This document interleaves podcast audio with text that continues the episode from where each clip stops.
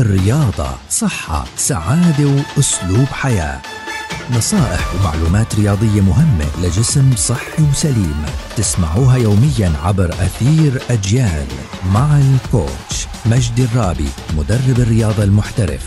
مع الكوتش بودكاست من أجيال يأتيكم كي تطوروا أجسامكم نحو صحة أفضل.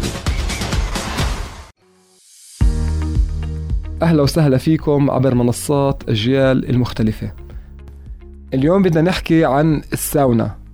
كتير ناس بفكروا إنه إحنا لما نخلص عنا التمرين الرياضة وأروح مباشرة أعمل عندي الساونا وأقعد فيها 10 أو 15 دقيقة فهذا بيساعدني على خسارة الوزن في جسمي.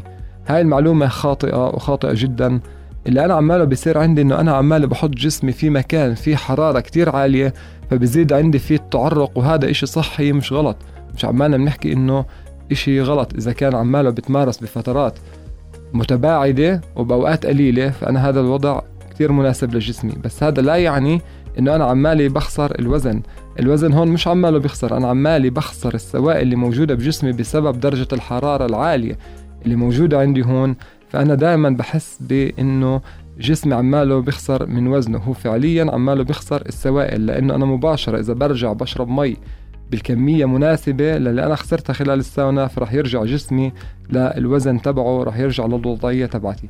فأنا دائما بحب أحكي للناس إنه مش غلط تمارسوا الساونا وتروحوا عليها وتجربوها كتير منيحة بس مارسوها بالطريقة الصحيحة والأوقات المناسبة جدا. يعني بنحكي عمالنا مدة مرة أو مرتين في الأسبوع كأقصى حد و10 ل 15 دقيقة كأقصى حد كل مرة.